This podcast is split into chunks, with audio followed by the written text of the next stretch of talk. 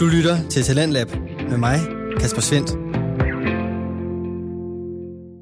Det første, jeg kan præsentere for dig her i aftenens Talentlab, er anden del af podcasten Eventyrmands afsnit, hvor verden Alexander Valør han taler med producer, manuskript, forfatter og instruktør Nikolaj Peik.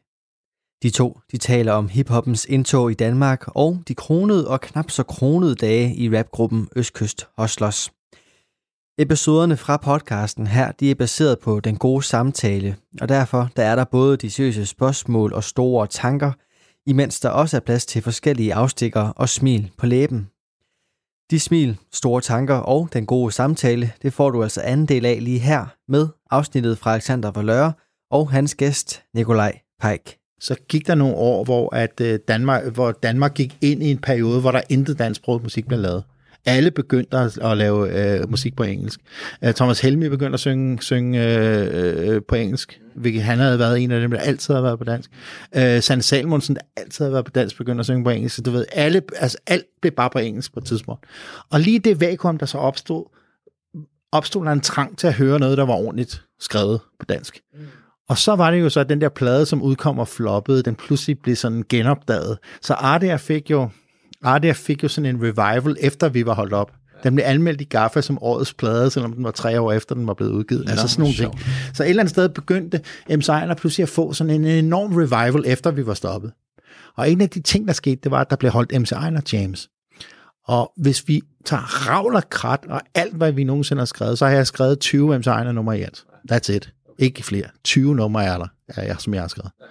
Øh, men M. Sejler James var jo altså sådan noget, det var jo ikke hiphopper. Nu, nu var det en anden generation af sådan nogle lidt, lidt, lidt grungede typer, som havde sådan nogle øh, garagebands, som spillede, øh, som spillede M. Sejler sange. Ja. Og så blev der afholdt M. Sejler James.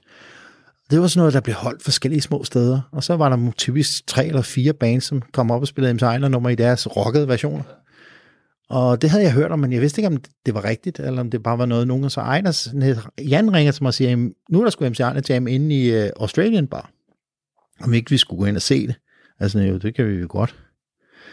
Så vi går så ind, øhm, ej, øh, Jan og mig, kommer ind øh, ned ad Vestergade ind i byen, kommer ind derinde, til sådan et sted, der er fuldstændig fyldt op med sådan nogle unge mennesker, med sådan nogle, du ved, øh, lyshårede mennesker med dreadlocks, ikke? Kender typen. Og alle folk, ingen siger noget. Alle folk stiller sig bare op og glor på os. Mm. Med åben mund. Står og kigger på os. Og vi er sådan lidt... Vi kan godt se, at vi er lidt ældre end, ja. end alle andre. Ingen folk siger noget. Alle stiger. Hvorfor det? For, fordi mens vi har siddet... Jan har siddet ude i Sovnfri. Eller nej, jeg tror, han var flyttet ind på Østerbro på det tidspunkt. Altså noget ydre Østerbro øh, nej, Rysgade eller eller andet, hvor han har en eller anden lille hummer. Jeg sidder ude på Vistegade og er sur, og kommer ikke ud af min egen dør, og går ikke i bad og er ubarberet og sidder og ser film. Imens er der nogle andre mennesker, der dyrker os som guder. Fordi vi ikke rigtig findes. Altså, vi findes jo ikke. Altså, vi er jo bare det her kæster, der pludselig popper op, udgiver nogle plader og forsvinder igen. Mm. Så vi har jo en eller anden legendarisk status i en bestemt gruppe, der dyrker os så meget, at de begynder at spille vores musik. Og pludselig kommer Jan og mig ind ad døren, og så står vi så der, helt sådan, helt sådan, øh, okay, hvad sker der her, agtigt. Så de snakker ikke til os, og vi snakker ikke til dem, og vi står sådan og gemmer os ind i hjørnet, så står behageligt, alle folk stiger. Og så begynder første band at gå på, og de stiller sig op og råber, og provokerer, holder ned og ryger masser af has. Og jeg er sådan lidt, okay, den sang har jeg hørt for. Og så begynder de at spille panik, nogle andre, der er sådan noget med, der stod Jan og Pike og og Guffe var med. Og så stod jeg og tænkte, du kender ikke Guffe. Guffe, det er min kammerat.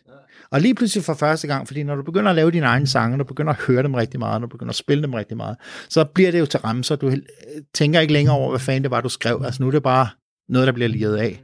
Du lytter jo ikke til, hvad fanden du selv har skrevet, fordi det bliver jo bare til lyd. Men der nogle andre pludselig stod og spillede den i en ny version, begyndte jeg at høre, hvad fanden det var, knækken op på scenen havde rappet. Og det, der gik op for mig, det han rappede om ekstremt sådan mit liv, sådan som det så ud, dengang jeg havde skrevet den sang. Det handlede om at gå ind på Burger King sammen med tigeren. Det handlede om, at, at Guffe pludselig stod der, og, og som, som jo for mig er en person, som ser ud på en bestemt måde, og som jeg har gjort nogle bestemte ting med. Det er jo ikke bare en person, altså det er jo en ja, ja, person, der findes, ja, ja, ja. som han stod og rappede om, at Guffe stod der og alt muligt andet.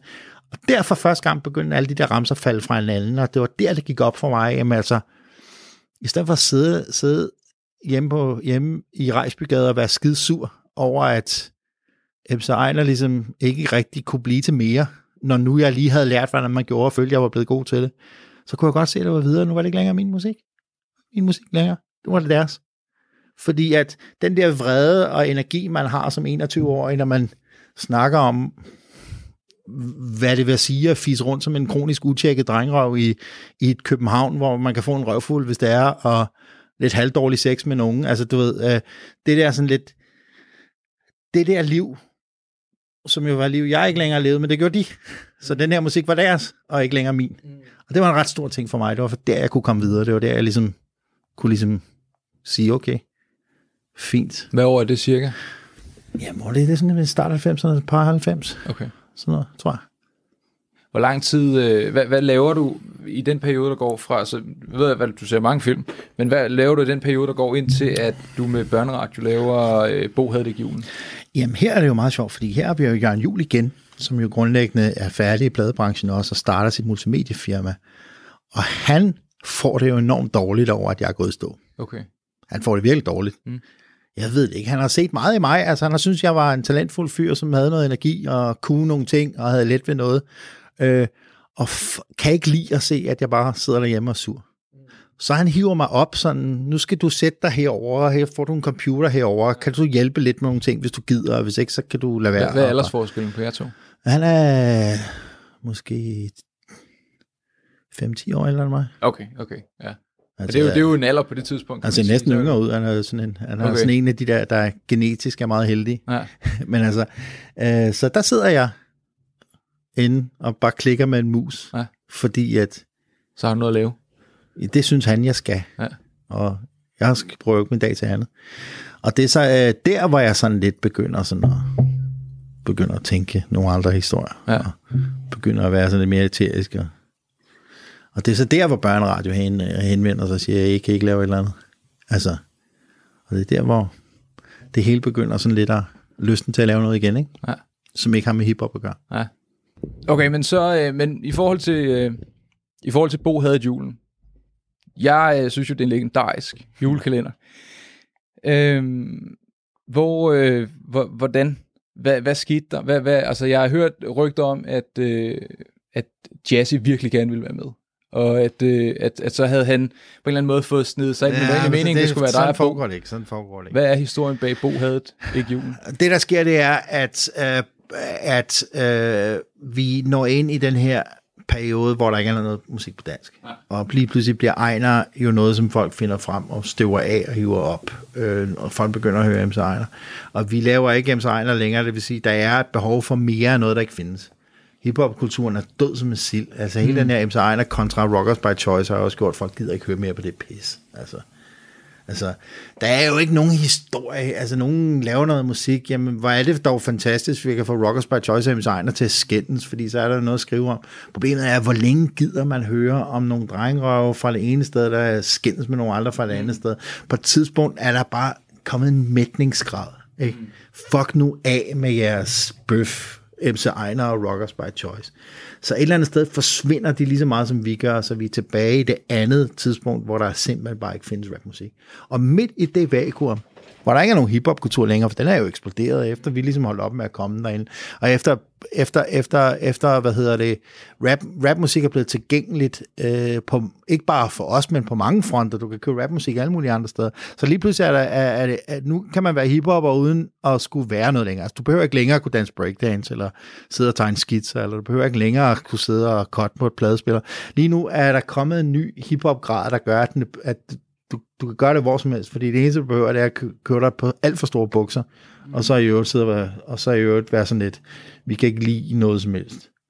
Så, så, så, så der, er ikke rigtig længere, der er ikke rigtig længere behov for en samlet sted, hvor hiphoppen mødes længere. Så Thomas Beil destruerer også. Alting destruerer, alting forsvinder. Så hiphoppen er nu tilgængelig for alle, og der er ikke rigtig nogen, der ligesom dyrker det. Det er ligesom Spotify i dag. Folk er pisse ligeglade med musik, de ikke betaler for. Altså, mm. det er sådan noget buffet noget. Du hører fem minutter på et eller andet på en højtaler på størrelse med en tændstikæske, ikke? Altså, Men det er sjovt, I er ikke sådan et sted jo. I er ikke i Apple Music. Er der nogen grund til det egentlig? Nej, det er lige et tidsspur. Det er, ikke, det er ikke mig, der det Det er Nej, ikke mig, der okay. udgiver musik, jeg laver den kun. Nej, jeg tænkte, det kunne godt være, at I havde sådan en eller anden med, at så skulle det være, fordi at folk skal have Nej, den rigtige, at der er var sådan et eller nej, øh, slet- purist. slet. Øh, Ikke okay. Ikke. Men det, der så sker, det er, at i den her periode er der jo et behov for noget mere af noget, der ikke findes. Ja. Så øh, børneradio, som jo, øh, de henvender sig så til mig og siger, hey, kan I ikke lave et eller andet?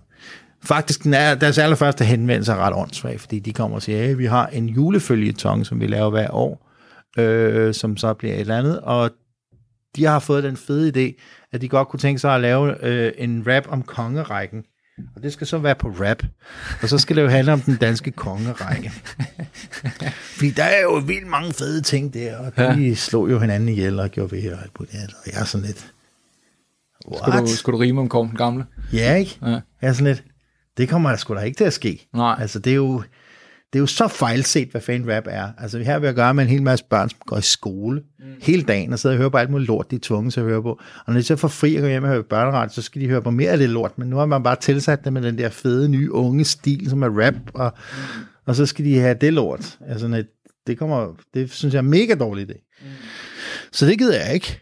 Øh, jamen, hvad, hvad vil du så lave? Så siger jeg, jeg vil ikke lave noget. Jo, jo, fordi, nå, kan du ikke lave en eller anden, så, så må du selv vælge, hvad det handler om. Okay. Og hvis du kan lave det med Ejner, så det vil jeg heller ikke. Jeg har ikke noget samarbejde med Ejner. Jeg har ingen behov for noget. Jeg var, jeg var stadigvæk i min sure periode. Mm.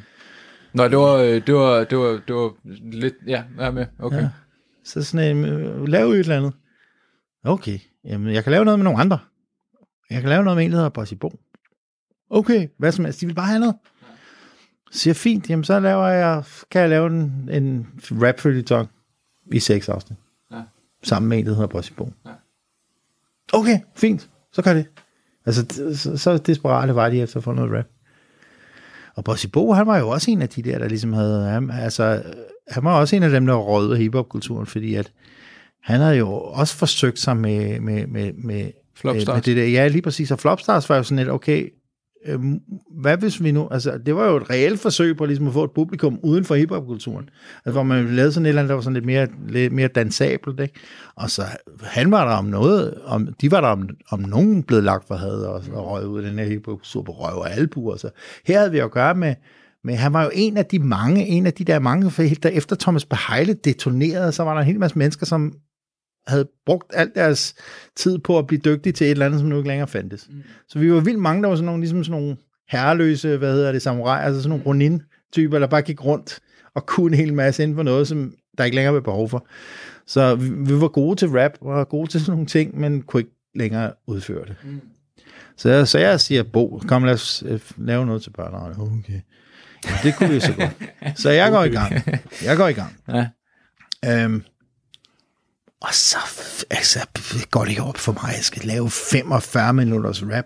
Kommer ikke til at ske. Mm. Altså, altså 45 minutters rap, det kræftede mig meget.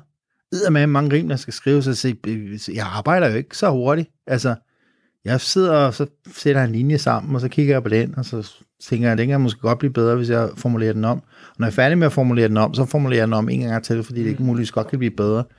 Og så sidder jeg og tænker, nej, det skulle ikke, og så finder jeg på noget helt nyt. Altså, det, det er jo sådan, altså, jeg synes jo ikke, det er i orden, før det er i orden, og det tager jo sin tid. Så jeg, lige pludselig havde jeg jo lige pludselig lovet at lave et eller andet, som jeg simpelthen ikke kunne lave. Så var sådan lidt, hvad fanden gør jeg nu? Altså, fordi jeg når det ikke. Mm. Når ikke det eller Skulle gøre et eller andet, vi må have hjælp af nogen. Vi må have hjælp af Jazzy H. Mm. Så det er mig, der henvender mig. Det sgu ikke Jazzy, der kommer og siger, jeg vil skide gerne. Det er mig, der er sådan et Jazzy, hjælp mig. Okay. Fordi Jazzy er jo, øh, altså udover at være den cooleste mand nogensinde, var han jo også freestyle rapper. Og det vil sige, det er jo det stik modsatte. Altså, det, er jo, det er jo ikke et spørgsmål om at sidde og file på det. Det er jo et spørgsmål om at vælte det ud af hovedet. Så han var den hurtigst skrivende rapper, jeg overhovedet kendte, som, stadigvæk, som jeg stadigvæk synes holdt en standard. Ikke? Så Jazzy, han kommer jo ind og redder os. Altså, han redder vores røv. Big time. Mm. Fedt. Øh, Ej, det er sjovt at høre. Han kommer jo ind ligesom at, at få det her til at virke, fordi han kan med en bank nogle rim af. Ikke? Øhm, og jeg sidder der, og lige pludselig for første gang oplever jeg en enorm glæde ved at være sammen med nogle mennesker, som er i fuldstændig samme situation som mig, som har oplevet det samme som mig, som alle sammen ligesom har prøvet at være på plade før. De har prøvet at komme ud, altså, og, de, og de laver det her, fordi de brænder for det. Det er ikke ligesom Jesper Wildmann, der ligesom øh, øh, Jesper Wildman er jo en sjov fyr, fordi han er jo, han er, jo- er, han er jo sådan en, en utrolig talentfuld fyr, som alting kommer nemt for. Mm. Og når alting kommer nemt for nogle bestemte mennesker, behøver de ikke arbejde for det. Og Jesper Wildman har aldrig behøvet at arbejde, fordi han kan alting. Han kan alting sådan intuitivt. Han kan alt med sin krop. Han kan, kan lave de vildeste akrobatiske ting. Og Han alt er meget talentfuld. ekstrem, ja. og han er ustyrlig musikalsk til ligesom at bare vælte et eller andet ud af hovedet. Man har jo ikke sådan en, der sætter sig ned og tænker, nu sætter vi noget sammen eller arbejder for det. Altså mm. det hele, det er bare sådan, det hele, det er sådan lidt flagrende, ikke? Okay. Og, og, og lige pludselig sidder jeg for første gang øh, sammen med nogle andre, som leverer og arbejder, og vi er helt i synk. Mm. Og det har jeg aldrig prøvet før. Okay. Så jeg oplever en enorm glæde ved at lave noget sammen med den her trio. Øhm, og mig, der lige pludselig ikke behøver at trække hele læsset med at skrive de der ting, men Jazzy, der ligesom leverer, og alle leverer for deres styrke, fordi jeg finder på ting, og Jazzy får det til at virke, og, og, og, og Bossy har noget studie, og laver noget, noget, noget teknik, og kan noget rap og sådan noget, og kan, kan få det ind i, få det til at lyde fedt, og du ved, altså vi, lige pludselig er vi er, er, er, virkelig, virkelig, virkelig fedt. Og så udgiver vi så den her, den her øh, eller det gør vi ikke, den ryger så ind på, øh, den ryger sig ind på børneradio, bliver spillet den her følgetong i seks afsnit op til jul. Og så var det ligesom det. Det var sjovt. Og så sker der det næste år, så er de sådan lidt, øh, vi vil gerne genudsende. Nå, okay, det kan I jo så bare gøre. Ja, vi vil gerne udgive den på CD, siger de, så siger det kan I sgu ikke få lov til. Jamen, hvorfor ikke det? Så siger jeg, fordi den er ikke lavet til. Altså, den er lavet til at blive spillet i radioen, og så hører man den en gang, og så synes man, den var meget fed. Hvis du sætter det lort sammen på CD, så bliver man sindssygt at høre på det, fordi det er det samme musik, der kører igen og igen og igen. Så hvis du hører sådan noget, der kører på fuld overdrev, fuld smadre, i 45 minutter i træk, bliver du eddermame træt af det, inden du når en tredjedel igennem det. Så den skal I ikke udgive på CD. Jo, det vil vi gerne komme nu, og der er så mange, der hører det, folk, folk der er telefonstorm inde på, inde på børneradio, fordi folk vil høre det, de vil høre det igen og igen og igen. Og de vil have det udgivet, de vil købe det. Hvor, hvor kan vi høre mere? Vi vil høre det igen. Uh, og de ringer til mig, og jeg, jeg giver mig ikke, fordi det er ikke meningen. Mm. Det er ikke det, det er lavet til. Jeg synes heller ikke, det er godt nok.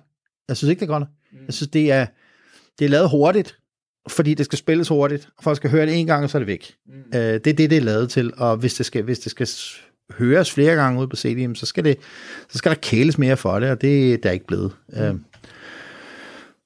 nå, så de bliver ved, og tredje år i træk øh, går de i panik, ikke? fordi jeg giver mig ikke. Jamen, hvad kan vi så gøre? Og så er jeg sådan, jamen, okay, hvis vi skal gøre noget, så, så skal vi gøre det ordentligt. Så skal, vi, øh, så, så, så skal det tænkes ind som CD fra starten. Så skal vi lave et eller andet, som både er en følgetong og en CD. Mm. Fordi så ved man ligesom, kender de formater, det er lavet til, og så skal vi lave en, øh, det. Og det øh, var de med på. Børneradio var med på den. Godt. Så sidder vi og tænker, ja, okay, vi, så udgiver vi den ud på en CD. Hvor, hvor, meget, hvor meget lyd kan der være på en CD? Jamen, der kan være 80 minutter. Okay, sidder vi, og så får vi en åndssvag idé. Så tænker jeg, okay, nu fylder vi den helt ud. Nu øh, laver vi, en, nu laver vi et, en rap, der er så lang, at den ikke kan overgås, fordi at det højeste... Altså, vi tænker jo ikke, at der kommer andre formater senere. Vi tænker bare, at CD'en er det ultimative format. Der kan være 80 minutter på. Så inden vi overhovedet går i gang, ved vi, hvor lang den skal være, fordi nu vil vi fylde den ud. Nu vil vi simpelthen lave noget, der ikke kan overgås, fordi det er så sindssygt. Ja. Øh, så vi går i gang med at lave en rap-musik, øh, en rap-sang, som vi ved skal være 80 minutter lang. det er simpelthen så dumt. Men altså, det, det går vi så i gang med. Så, så går vi i gang med det. Og nu, de får en aftale op med Sony Music, som så skal udgive øh, den her plade, så vi kommer i studiet den her gang rigtigt, så det er ikke bare lavet hjemme i Bos øh, børneværelse. Mm. Altså, nu kommer vi sgu i et studie og laver det her. Og vi begynder alt muligt andet, og begynder, jeg laver den her sindssyge historie om de her to drenge, der, der skal sælge designers drug i Jylland. Altså helt, helt åndssvag historie, går jeg i gang med at lave. Øhm, og Jazzy skriver på den og leverer vildt mange rim, og det hele det kører sgu meget godt. Vi pærer lidt homage til rapmiljøet og prøver at få nogle af de der drenge, som heller ikke ligesom kan komme af med deres musik, eller alle dem, der vi kender fra miljøet, de kommer så ind og laver gæstes ting. Og det kører sgu meget godt det hele, så kommer han ind i ud. Men så da den der plade så endelig bliver færdig, så får folk jo kolde fødder. Nu lige pludselig tror de ikke på projektet længere. På, oh, nej, tænk nu, hvis ingen gider at høre det. Jamen, det var ikke det, der var meningen for helvede. Hold nu op. Altså, vi skulle lave det her, fordi det skulle sendes i radioen, og I ville udgive det på CD, så lad os gøre det. Men lad os nu lade være med at få angst ind i det. Og det er jo det, der altid er i, i, i alle de her fucking underholdningsbrancher. Det er, at alle, alle bliver bange til sidst. Fordi, åh oh, nej, tænk nu, hvis noget ikke bliver sådan noget. Jamen, fuck nu det. Altså, ideen var, at I skulle sende det her fucking radioen, og så vi udgive det på CD. Jamen, så laver vi en CD også, men det skulle da ligegyldigt, om folk køber det. Pisse ligegyldigt. Mm. Nå, nej, jamen, så nu vil de gerne have, at så, så havde de fået lavet et klistermærke. Mm. Så Børneradio har fået lavet et klistermærke nu, hvor der står verdens længste rap på, fordi at de har jo ingen idé om, at ingen gider jo købe den her alligevel, men hvis vi nu sælger det som et rekordforsøg, så kan det jo være, at nogen måske godt gider købe den alligevel. Det er simpelthen ikke? et rekordforsøg, den Ja, lige præcis. Så nu ja. vil de prøve på at promovere den som en verdensrekord. Ja. Og jeg er sådan, ja, fint nok. De kommer ja. med deres åndssvage klistermærke, som så bliver sendt ud på fabrikkerne, så det vil sige, pladen er færdig, den hedder Østkyst Hoslers, fordi mm. den handler om nogle hosler fra Østkysten. Mm. Det er en historie om Østkyst Hoslers. Mm. Øhm, så I hedder Børn... faktisk slet ikke Østkyst Hoslers. I hedder, der var ikke, der var ikke noget I, projekt. I, I kunne lige så godt hedde verdens længste rap, og pladen kunne hedde Vi var et projekt. Ja. Det var et projekt. Vi var tre drenge, der satte os ned for at lave ja. et projekt, ja. øh, som vi blevet overtalt til at lave. Godt, så kommer de med deres klistermærke. Så nu kryger det der åndssvagt klistermærke på. så kan der være der nogen, der gider købe den, fordi det er et spændende rekord. Idioti, åndssvagt lort. På en åndssvagt måde. Men det går langt er, at lige pludselig er der temmelig mange, der godt gider købe den alligevel. Ikke? Ja. Så det bliver jo en massivt hit, den her plade. Den her plade, som bare er en, en rap, der var i 80 minutter. Altså halvanden times rap. Et nummer. Ja så bliver det en kæmpe hit. Og kører den helt vildt, fordi folk har jo åbenbart savnet noget, der er, er sådan noget der. Og så skal den på hitlisten, fordi det, det skal den jo. Altså nu bliver den jo placeret et eller andet sted. Så nogen, der ligesom skal have den på hitlisten, kigger sig på den og se, jamen, øh, hvad står der? Der står Østkyst også verdens længste rap. Mm. Det må være, den hedder så. Ja, det må jo være det. Det må jo ja. så være verdens længste rap med Østkyst også. Det var det egentlig ikke. Altså, det var Østkyst også med nogen. Men nu er det altså Øske Strassers, der har lavet verdens længste rap, fordi sådan ser coveret jo ud. Så den rører på hitlisten som verdens længste rap med, Øskøst, med kunstneren Øske Strassers. Og så sidder vi og tænker, ja, ja, yeah, hvorfor ikke? Man kunne da hedde værre ting i den her verden. Ja. Så hedder vi Øske Strassers for den dag. Ja. Så vi har fået vores navn på grund af et klistermærke, som nogen sat på, fordi de var bange. Ikke? Ja, yeah. og så var vi et band, os tre. Det er sgu meget fedt. Og, men så gik der ikke så lang tid fra verdens længste rap til... Øh, Nej, det var jo det. Lige pludselig, føl, lige pludselig føltes det jo fedt. Altså, det var jo fedt at lave, det var et fedt samarbejde. Og succesen var jo, var jo, var jo uh, indiskutabel. Altså, folk ville gerne høre, hvad vi ellers lavede.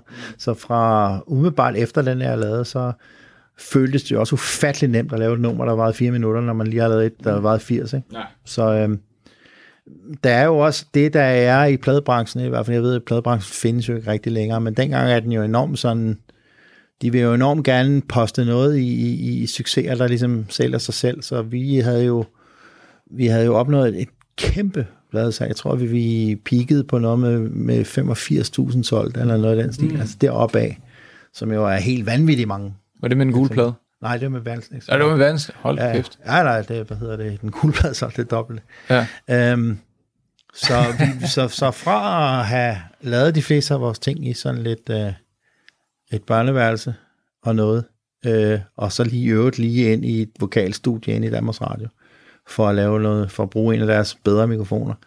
Så røg vi jo ind og fik blokbooket øh, øh, Werner-studiet, øh, som var et stort A-studie, ikke? Og lige pludselig var det jo, lige pludselig var det jo virkelig nemt og fedt at lave det, man gerne vil. Mm. Fordi alle hylder var åbne, ikke?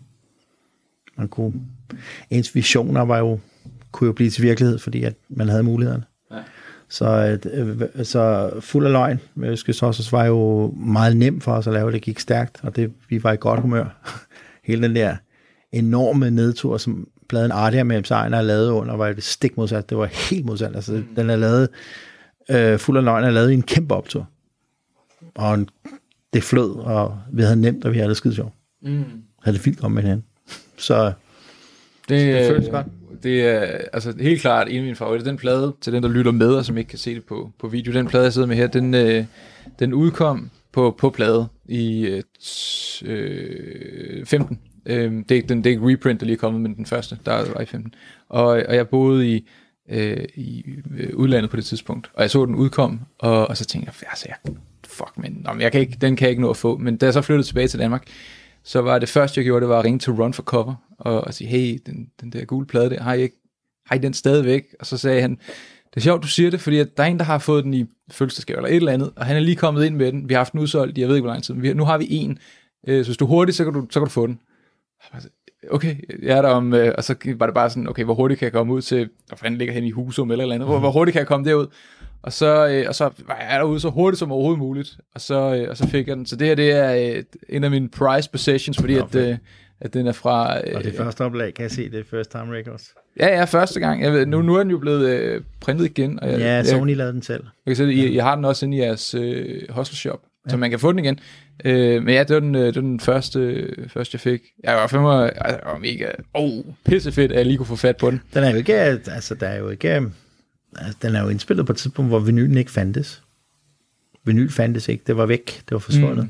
Mm. Øhm, og det er jo også total, altså det er jo en total pastice, at folk kører vinylplader i dag. Det er jo helt gak, altså det er jo helt tosset ting med sådan en, Synes du det? noget, der drejer rundt, og så kører der, så, så er der sådan en nål, der kører ned, og Ja. vibrerer rundt med nogle ting, der er skåret ned i et eller andet.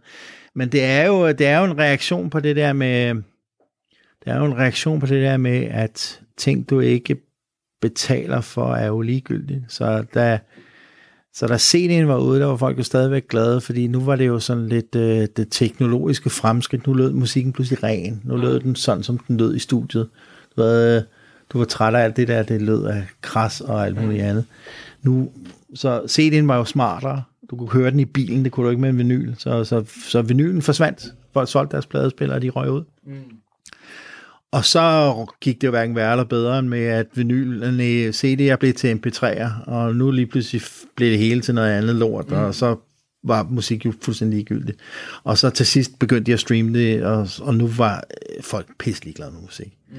Og så nu er vi så tilbage til, at man går ind og finder et så klodset og så klumpet redskab som en gammel pladespiller, fordi folk vil jo gerne købe en plade, lægge den på og lytte til den. Mm. Folk Helt sikkert. mister jo noget ved det der med, at Det må gerne være taktik på en eller er- anden måde, at det, ikke, at det hele ikke bare er virtuelt, at vi faktisk også har nogle ting, der er virkelig, og at kvaliteten ja. jo er, hvad ved jeg, altså 20 gange bedre end på en MP3-fil, der bliver Og streamet. se de der kids, der sidder i, der sidder i metrotoget og hører musik. Øh, ikke, med, ikke med, hvad hedder det, hovedtelefoner på, men fra de der små højtalere, der er i bunden af deres telefon. Ja, det kan jeg Altså, ikke holde ud. Det er der, man er nået hen. Det er der, man er nået hen. Ja. Altså, og det er jo en anden måde at bruge musik på, fordi vi er et andet sted. Jeg, dagen. jeg lyttede til en podcast fra Conan O'Brien, hvor han havde Neil Young ind, og Mm. Neil Young siger så, at, at han havde været, han, er, han har udgivet sin nye, han, sin Mm. seneste plade, og, og så havde han snakket med en journalist, som skulle anmelde den, han havde sagt, at han havde lyttet til den på, øh, han havde lyttet til den en gang igennem fra sin computer højtalere. Og det er også det der med, at musikken kan jo opleves på så mange forskellige mm. måder. Altså, du kan lytte til et Neil Young-plade, og han er jo virkelig en, der kæler for mm. kvaliteten og hvordan det skal være. Sådan. Øh, på nogle gode højtalere, øh, virkelig få, få det hele ud af eller man kan høre det ud af sine to små Windows-højtalere, der lige akkurat kan, kan, kan blæse op tørene. Mm. Øhm, altså, nå, ja, men øh, jeg synes i hvert fald, det, og, og når jeg er nede i Beats, nede på, på Vesterbro, så, øh, så er der altid folk i biksen. Der er mm. altid folk, der er derinde, og når der er pladeudgivelser, så er der fandme også øh, godt booket op med, med, med folk. Jeg, jeg var derinde til Søren Huses release af hans, mm. øh, den seneste, og øh, der var folk, der stod hele vejen ude langs vejen rundt om, bare for at få en lille smule af lyden af Søren Hus, der spillede. Det er super fedt sådan noget. Mm. Øhm, men, øh, men så kom vi frem til, øh, til anden plade, og øh, I, var, I var ikke ude at turnere med verdens længste rap, mig. Nej, det var vi ikke. Øh, det var vi ikke. Øh, det var også der, hvor vi, vi følte, at vi også havde behov for at have en rigtig plade. Altså, hvis man er et rigtigt orkester, skal man også have en rigtig plade. Altså, øh, øh, verdens længste rap er jo, øh, er jo, uanset dens åbenlyse kvaliteter, er den jo et projekt. Altså, det er jo en, en mærkelig, et mærkeligt, underligt projekt. Ja. Øhm, og det er da godt, at man, det var da godt, at, at et af kapitlerne var så velegnet til at skære som single, altså ankomsten til, til Aarhus. Øh, fordi ellers havde der jo været lidt et problem, ikke? Altså den, den, det andet store hit for pladen fra verdens længste rap er jo den her tankstations øh, scene, der sker. Men den har jo sådan en underlig start, som er pillet ud af en kontekst, Mm. og, og en er underlig slutning, hvor de ligesom kontekst, kører videre. Ikke?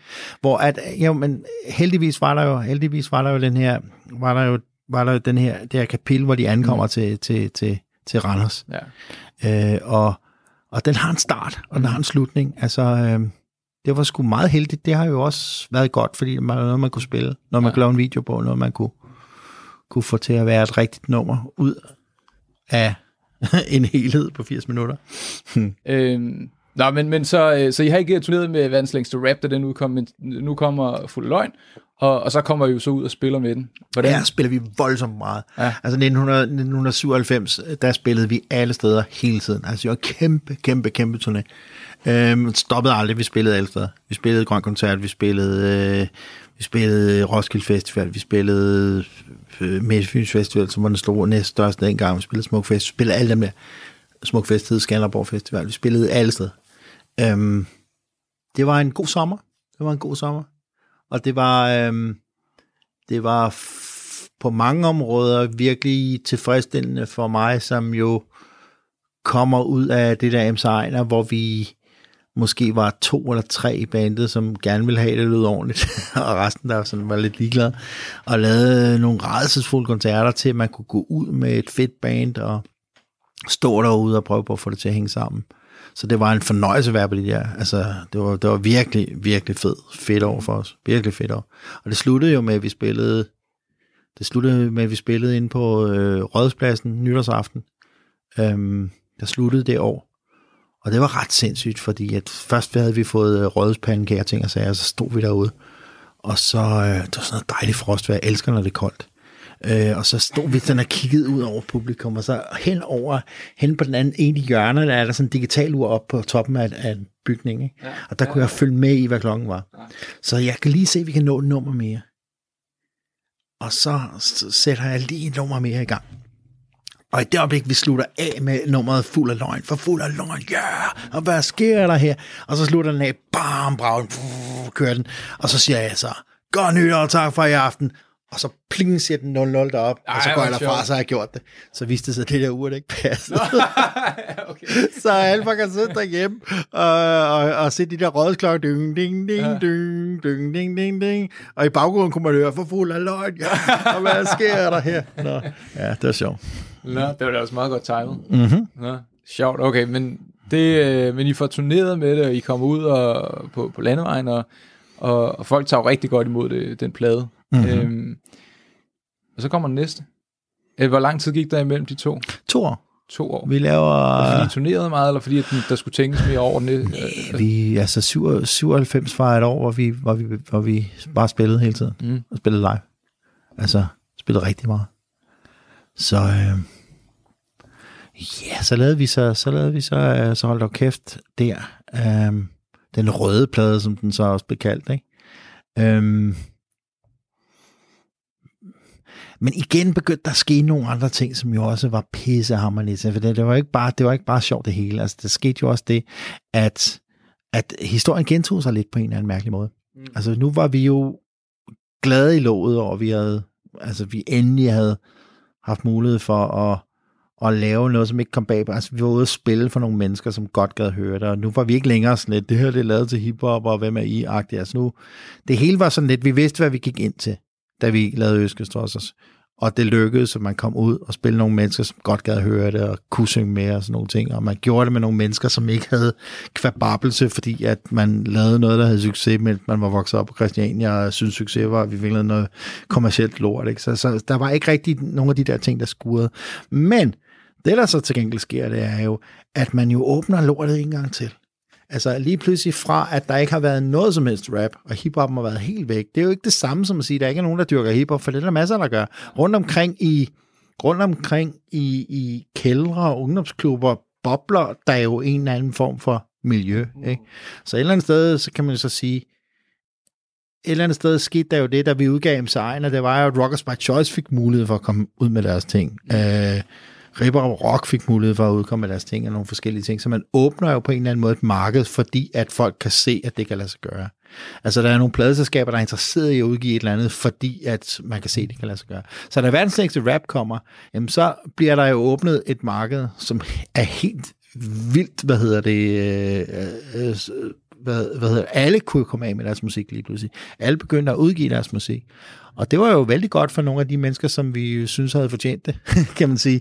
Altså sådan nogle som humleriderne er jo nogen, der ikke kunne komme af med deres ting, som har siddet ude på Amager og bakseløs med deres ting, og lige pludselig får de jo mulighed for at blive signet, fordi at, øh, fordi at verdens rap viser sig at showcase dem også, og sådan nogle ting. Men, men hvad hedder det, historien gentager sig jo, fordi at lige pludselig så fylder vi jo så meget, at folk er nødt til at sådan, reagere imod det. Mm. Så der kommer jo sådan en modreaktion fra, fra hiphop-miljøet. I, igen kommer der en modreaktion, ikke? Mm. Fordi igen er vi jo sellouts, igen er vi jo i hvert fald det, som folk har behov for at vise, at de i hvert fald ikke er der. Så man har jo øh, med sådan nogen som Den Gale Pose og, og MC Clemens i spidsen, altså det var dem, som var de mest synlige, men der var jo mange, øh, som har jo en eller anden form for behov for ligesom hele tiden at markere sig på, hvad de i hvert fald ikke er. I stedet for at gå ud ligesom at sige, vi er det her, vi står for det her, eller det er os, der laver sådan noget her, går de ud ligesom at sige, vi er i hvert fald ikke det her. Så vi får jo en ekstrem, vi får jo sådan en ekstrem øh, irriterende øh, kamp stukket på, på, på halsen, som vi jo ikke selv er en del af, som vi jo ikke selv har startet. Mm. Altså, vi er, jo, vi er jo ikke interesseret i at gå i dialog med nogen, men de har enormt behov for at gå i dialog med os. Så vi har at gøre med, uanset hvor vi kommer hen, begynder vi jo også at komme, komme ind og stå, så står der jo altid nogle af de der karseklippet og, giver, og med, med, med, med, med langmanden øverst til vores koncerter, ikke? Og så er jeg jo sådan, så er jeg jo sådan sat sammen, at hvis vi spiller på Langelands Festival, mm. og der er måske 3.000 mennesker foran scenen, der bare står og fyrer den af og har det skide godt, men der står tre karseklippede drenge, tre meter ude og fem meter ude til siden, med fuckfingeren øverst. Gæt, gæt, hvem jeg tænker på under hele den koncert. Det er klart. Hvorfor, hvorfor, hvorfor står... Hvorfor, er, det, er det, fordi posen blev gale?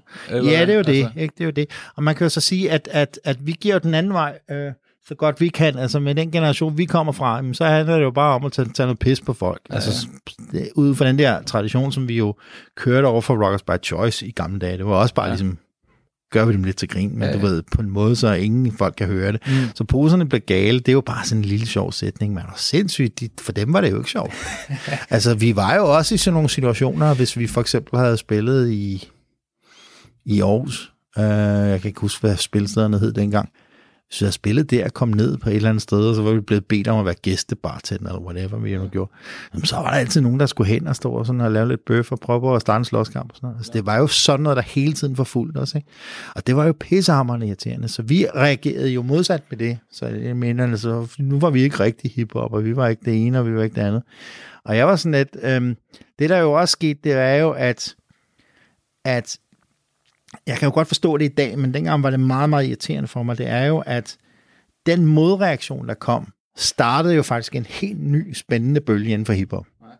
Det, det lyder anderledes, har et andet flow og nogle bestemte ting. Indtil da havde altså, Østkyst også en videreformidling af en bestemt måde at lave rap, som jeg allerede startede med MC Ejner.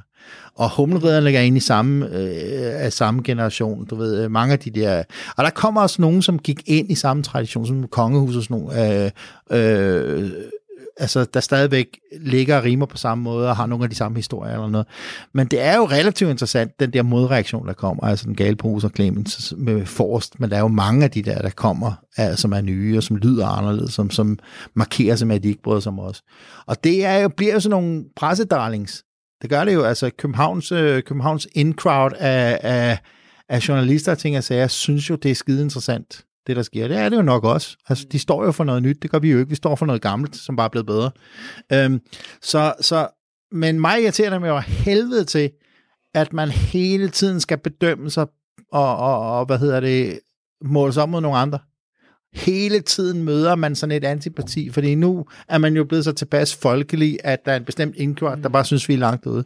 Så man oplever, at mens vi har det skide sjovt derude, mens vi synes, vi lykkes, og vi synes, vi er gode til nogle ting, og i øvrigt øh, har fået godt knald på livebandet og sådan nogle ting, så oplever vi igen, at en stor, stor københavnsk indkvart vender os ryggen.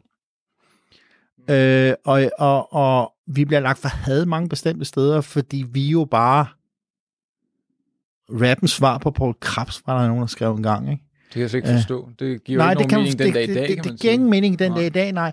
men det gør det i det periode. Det er også derfor, man kan så sige, jeg er jo tilpas glad for, at, at historien så heldigvis udjævner den slags. Ja. Fordi, men, men, men, men vi blev så meget, at hvis ikke de synes, vi er rigtig rap, hvis ikke de synes, vi er rigtig hiphop, jamen så fint, så lad os bare sige, at vi er noget andet. Ja. Det er den måde, jeg reagerer. Så lad os bare sige, at vi, vi laver dytbot, siger jeg så for sjov. Mm. Åh, sindssygt, det skulle jeg ikke have sagt. Nå. Fordi nu var alle enige om, at nu, melder jeg, nu vender jeg hele min, min, min baggrund ryggen. Nu er det ikke bare her nu. Ja. Nu vender jeg hiphoppen ryggen, fordi jeg har sagt, at vi ikke er hiphop, vi er dytbots. Ja. Og det var fucking bare en joke, ikke? Ja, ja. Og så den, den, det gjorde jo så bare, at, hvad hedder det, op igennem 97, skete der igen det der med, at det begyndte så ikke at være så, altså nu begyndte det igen at være noget, som irriterede mig. Det irriterede mig helvede til, fordi man hele tiden skal bedømmes, ikke? Og jeg laver jo bare for helvede bare det, jeg synes er det rigtige. Jeg laver jo ikke noget for at gå ind i et eller andet, eller debattere et eller andet samfund, eller holde sig op omkring et eller andet. Altså, sådan er det jo ikke, når man laver musik. Man sætter sig ned og får en idé, og så laver man en sang, og så er det godt, hvis nogen gider høre det, det er godt for nogle andre. Men hele tiden, hvis du bliver tilpas stor, så bliver du holdt op imod et eller andet. Du skal stå inden for et eller andet, du skal forsvare et eller andet. Og nogle gange gider man ikke forsvare en skid. Nogle gange er det eneste, man har lyst til, det er at tage en mikrofon og fyre den af. Måske er det bare derfor. Mm. Måske er det ikke for at videreføre, eller være det inden for hiphop, eller måske noget andet. Altså, nogle gange vil man ikke andet end bare være funky. That's it. Så et eller andet sted kan man så sige, da vi gik i gang med at lave øh, den anden plade, så kan man godt høre, den er mørkere. Altså, det var, vi lavede altså, altså, den og kæft, øh, Hold da pladeplade. kæft, den, Ja, røde plade. Ja, ja. Øh, da vi laver den, så, så er den jo langt, det er jo en langt mørkere plade. Så den er Ja. langt mere indlukket. Det er meget mere mig, der ligesom. Ja. der ligesom er lidt ligeglad, om folk kan lide det eller ej. Den har en anden vibe, men jeg synes, personligt, så er det min favorit. Jamen, jeg er også mig. Altså, mange, Øh. nogle af de numre, som jeg har skrevet, øh, som jeg er allermest stolt af på den plade. Men, men, og her når man så ud i noget mærkeligt noget, ikke? Fordi at MC Ejler var en uomtvistelig succes med sine 30.000 solgte LP'er, eller 35.000 solgte LP'er. Hvorimod, hvorimod så holdt dog kæft med sine 65.000 solgte LP'er var en fiasko. Ja, det giver ikke mening. Fordi Øh, at du ja. holder det op imod noget andet. Mm. Så et eller andet sted kan man så sige, hvis du går ud og laver en plade, der hedder Fuld af Løgn, som sælger 160.000 eksemplarer, så har du en toer, der sælger 100.000 mindre, mm. så er det en fiasko. Mm. Hvor MC Ejner kommer ud af ingenting, så derfor er 35.000 en, en kæmpe succes. Mm. Så du har den der underlige relativitetsteori inden for succesen, øh, inden for, øh, øh, inden for succes, som man også skal forholde sig til, og det gad jeg simpelthen ikke forholde mig til. Jeg gad ikke forholde mig til, om folk ligesom kom ind, og så, så da vi gik ud, så sker der noget der, fordi nu begynder, nu, nu begynder der i slutningen af 90'erne, op i 98, nu begynder der at ske sådan en, en, en afmatning af samfundet generelt. Det vil sige, at alle folk begynder at afløse deres ture. Folk går ikke ud folk går ikke ud og, hvad hedder det, øh, der, der, det er sådan nogle bølger. Øh, folk går ikke ud længere. Altså, for hele Fyn holder op med at have spillesteder. Altså, øh, øhm, øh, der bliver ikke spillet live længere. Altså, alle folk aflyser deres turnéer og sådan og sager. Og det er der, hvor vi går ud med en stor anlagt turné.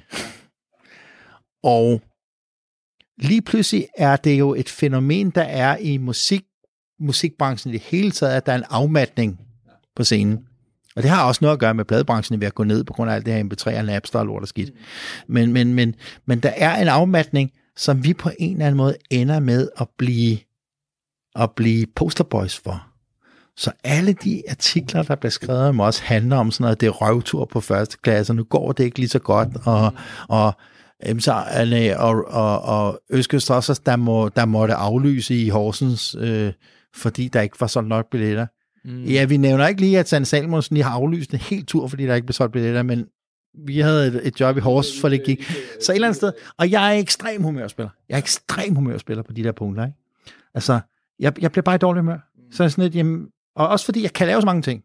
Igen, nu er vi tilbage til, at jeg er blevet kaldt for, for, for, for den menneskelige svejserkniv jeg kan sagtens komme af med min kreativitet på andre måder.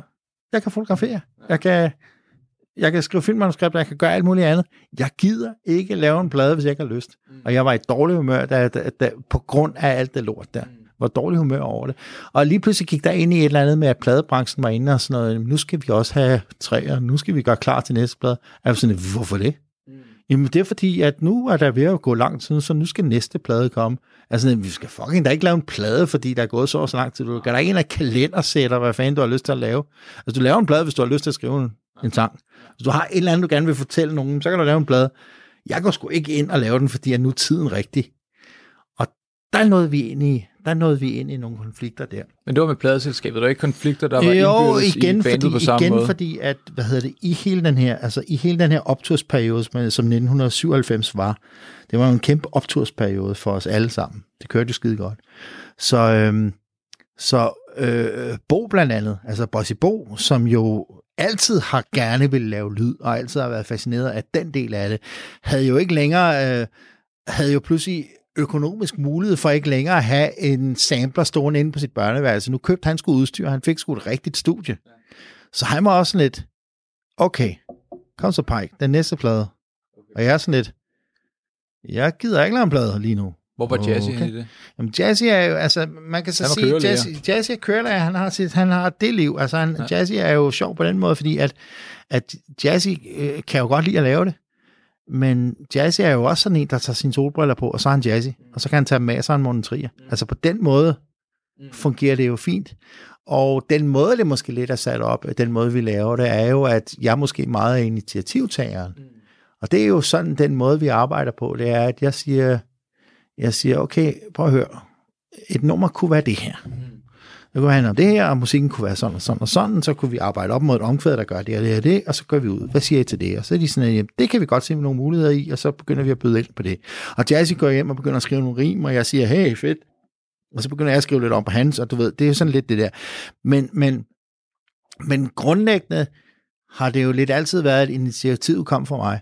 Og der kunne jeg jo mærke, at, at, at, at, at der kunne jeg jo mærke, at jeg begyndte at føle mig som et røvhul. Fordi lige pludselig sad alle med hænderne i skødet og kiggede på mig og siger, okay, Bike, hvad skal vi lave? Og jeg var sådan lidt, jeg har ikke lyst til at lave noget lige nu.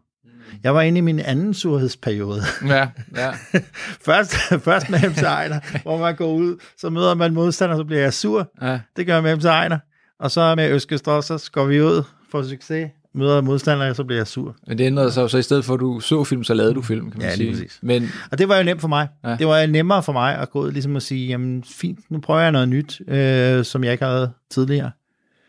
Og arbejder med min kreativitet der, i stedet for, så jeg havde, kom jo af med, hvad jeg havde brug for at komme af med. Og så på et tidspunkt stod de jo der og gerne ville lave den der plade, og jeg kunne simpelthen ikke finde lysten. Jeg kunne ikke finde lysten pladen. Ja, jeg kunne simpelthen ikke finde lysten inde i mig selv. Jeg havde ikke lyst til at lave musik. Jeg havde ikke lyst til at skrive sange. Jeg havde ikke noget at skrive om. Jeg havde ingen trang. Og til sidst så var det simpelthen det der, altså, til sidst så var det det der, som har forvirret folk i overvis. Det var, jeg sagde til de to andre, prøv at høre, I har lyst til at lave en plade. Kan I ikke lave den plade? Ja. Så laver jeg noget andet og finder lysten tilbage. I laver jeres plade. Alt er godt. Ja. Og så skete der hverken værre, det bliver også noget værre råd, fordi det er der jo ingen, der forstår. Der er ingen, der forstår det. Altså, der er ingen, der fatter. Og de kom ud med den der plade, som de i øvrigt er skide svært ved at komme af med, fordi folk er sådan lidt, ja, men kan I også finde ud af det øh, uden Pike? Og folk er sådan, jamen, hør. Nej, jamen altså, hvis Pike ikke er med, så... Øh. Altså, du ved, der var også... det hele var jo sådan svært for dem at komme af med.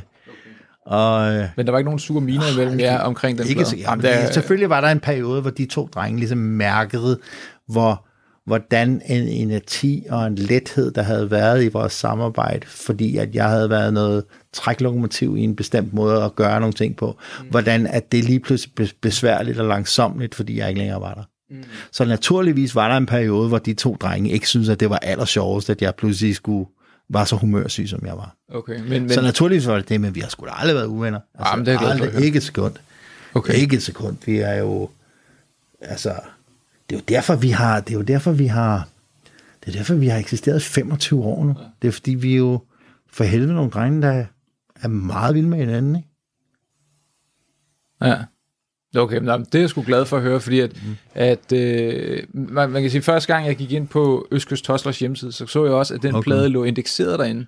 Og det var jeg sgu sådan lidt glad for, at, ja. Ja. at, at teksterne og sådan noget lå derinde, fordi at så var det jo sådan, så var det ikke fordi, at det var to verdener, det var bare sådan, det, det her, det har været sådan, det, det er kanon af vores, øh, af Ja. vores øh, formål sammen, og det, Det her det er noget, som, som, det er en sidegren af det, det er en, det er Ja, en, en spin-off, og mere end at det er, er noget, der bliver set øh, surt på. Det er faktisk, det er jeg rigtig glad for, du siger, som sådan en fan, øh, at, ja, på at den der er... Men altså, jeg har, altså, jeg var faktisk øh, på sidelinjen med til at hjælpe med nogle forskellige ting omkring det. Jeg har altså, var med til at lave pladecover og sådan nogle ting. Ja. Altså, Nå. så, Det er meget sjovt. Så, okay, men du, øh, du går så videre i, øh, en, en anden kreativ retning, og, øh, og øh, ikke den første, men den anden ting, var det ikke øh, Jul på Vesterbro? Øh, en af de første i hvert Jo, fald. jo, jo. Altså, jeg lavede noget, altså, lavede noget spilfilm først, Ja. som manuskriptforfatter. Og så, øh, jo. Det der jo skete t- tilbage i, i 1997, da vi skulle på turné, da vi skulle ud på vores store turné, der stod vi jo i en situation, hvor vi havde udgivet et dansksproget album, to dansksprogede album, og en stor del af vores succes var jo bundet op omkring, at det var på dansk. Ja. Fordi folk havde virkelig behov for at høre det. Altså det største hit, der kom på daværende tidspunkt, det var jo uh, Me and My, der hed dubbi dubbi dubbi dub dub dub dubbi dub. Altså det var ikke bare det, at alting var på engelsk, det var også blevet dumt. Mm. Altså perioden var dum. Midt 90'er, det er også derfor, når folk kommer og siger, skal der være med, vi elsker 90'er, nej, gud skal vi røv stå sammen med Dr. Alban, fordi det, det er altså, Det... er nummer to, der har været inde i podcasten og sagt, gud, skal vi ej. nej, præcis. Det, det, det, øh, Aldrig, om vi skal stå sammen med, med, med Bom, bom, Dr. Bom, Dr. Bombe. Ja, og hvad fanden de alle sammen hedder, ja. eller uh, we're going to Ibiza. Altså, det var en dum periode, der var, der var styret af dumhed. ja. øh, og, og, og fred være med, at folk har husker det tilbage som en god tid, fordi de snærede meget med nogle piger i den periode og sådan noget. Men det har jo ikke noget at gøre med, at det ikke bare var råden dumt. Og det er derfor, da vi kommer ud med noget, så kan man jo, det er ikke for at hæve mig selv og mine ting op på et højere standard, men det var jo, i det mindste var det jo ikke decideret dumt. Det, det var jo sådan velskrevet på dansk, og det var jo det, som folk havde behov for. Så da vi skulle skulle ud og spille, så skulle vi jo have noget opvarmning med. Og der var jo ikke nogen, der lavede noget på dansk. Og jeg synes, det var vigtigt, at det var en dansk oplevelse, folk de fik. Så vi stod så der og tænkte, hvad fanden kan vi spørge om at være vores support når nu vi skulle spille den her turné? Og så var det så, at vi så sådan lidt, hey, hvad med det der stand-up? Kunne man gøre et eller andet der? Øhm, fordi det skulle da på dansk, altså. Øh, og det var sådan lidt, det var også en lidt mærkelig idé, fordi altså, så skulle man have support act, som ikke var musik. Altså, altså, det var sgu da mærkeligt. Nå, men vi henvender sig til, til, til FBI, som jo var dem, der ligesom havde den der sagt, vi kunne godt tænke os at prøve at se, om ikke det har I nogen, der kunne lave den. Ja, så satte de sådan en audition op, hvor de sendte to, øh, to øh, nej, Det tre. siges, FBI er et bookingbureau, ikke en... Øh, Ja, præcis. ja, ja. Et bookingbureau for stand-up komikere. Funny det var sådan Business opstart med dengang. Ikke? sådan, Øh, Så de sendte to fuldstændig ukendte komikere ud, øh, som var sådan nogle af dem, der kunne tage nogle lortejobs. Mm. Og det der var virkelig en tre, men øh, i hvert fald det der, så var der en øh, fuldstændig ukendt øh, fyr, der hed Frank Vam, som kom ud, og en endnu mere ukendt fyr, som hed Anders Madsen, og de, du ved, de to blev så sendt ud, så kunne vi jo så høre dem ude på Café Sokkelund på, ja. på og, og vi sad jo der og synes, at det var, altså, Frank Varm, det var skide skægt. Ja. Men så kom ham der den anden, han var kraftet med en lille kopperejet lille fyr, som man regnede som lignede en, man kunne få en røv for, ikke? Mm. Og det var, øh, det var altså, det var, vi var sådan lidt, vi skal ham der med, altså. Så vi, vi, vi, anden hed han, så nu skulle vi have anden med på turné. Så øh, det var kraftet med et mærkeligt job for ham at få, men han kom jo ud, så spillede vi simpelthen Danmark i stykker med Anders Madsen som opvarmning. Ja. Og han lavede sådan et gig, hvor han, øh, hvor han klædte sig ud som roadie, øhm, hvor han stillede sig op med, jeg ved ikke hvor mange sådan backstage pass rundt om halsen, og sådan en kasket udenpå, og sådan gaffatape siddende i bæltet og lort og skidt. Så kommer han ind, og, og, og, og mens folk står og venter på koncerten, så tog han mikrofonen og begyndte at lave mic check på den, og så begyndte han at fortælle vittigheder. Og der gik jo hver eneste sted, vi spiller, gik jo altså lige, der gik jo altså lige et kvarter, at folk fandt ud af, hvad fanden der egentlig foregik. Ja. Altså, og mange af dem stod jo der gav ham fingeren og råbte, at han skulle skride og sådan noget. altså, og nogle af de steder, vi kom ud, så var der altså røvfuld i luften, ja. altså. Der var røvfuld i luften. Okay, for der kom sådan en københavner Ja, lige præcis. Vi øh, spillede i Esbjerg og sådan noget. Altså, ja. der, var, der var han nødt til at gå af tidligt, ikke? Okay. Men altså, han, øh, han, han, han gik på med krum hals, ikke? Og heldigvis havde vi jo også nogle af det, altså, det gik det jo mere og mere, altså. Øhm, altså, jeg kan da huske, vi spillede, da vi slog dansksproget publikumsrekord inde i Tivoli, på plænen i Tivoli, der stod han jo der, ene mand med mikrofonen, ja. for første gang nogensinde med så kæmpe et publikum. Så vi føler jo, vi føler, at vi har lidt en aktie i, at, at han, han var sgu nok kommet frem alligevel, men altså, vi følte i hvert fald, at vi Jeg har i hvert fald været med til at få... vi havde lidt en aktie. Altså, Ja, hold da kæft nogle lortejobs, han også havde. Ja, det lyder Men til. altså, det er jo også sådan, man får hår på brystet, ikke? Radio 4 taler med Danmark. Og du får nu dagens sidste nyheder her, inden du i næste time kan lytte til det sidste fra episoden af Eventyrmand, hvor Alexander Ballør han tager en snak med Nikolaj Peik. Det kommer efter nyhederne.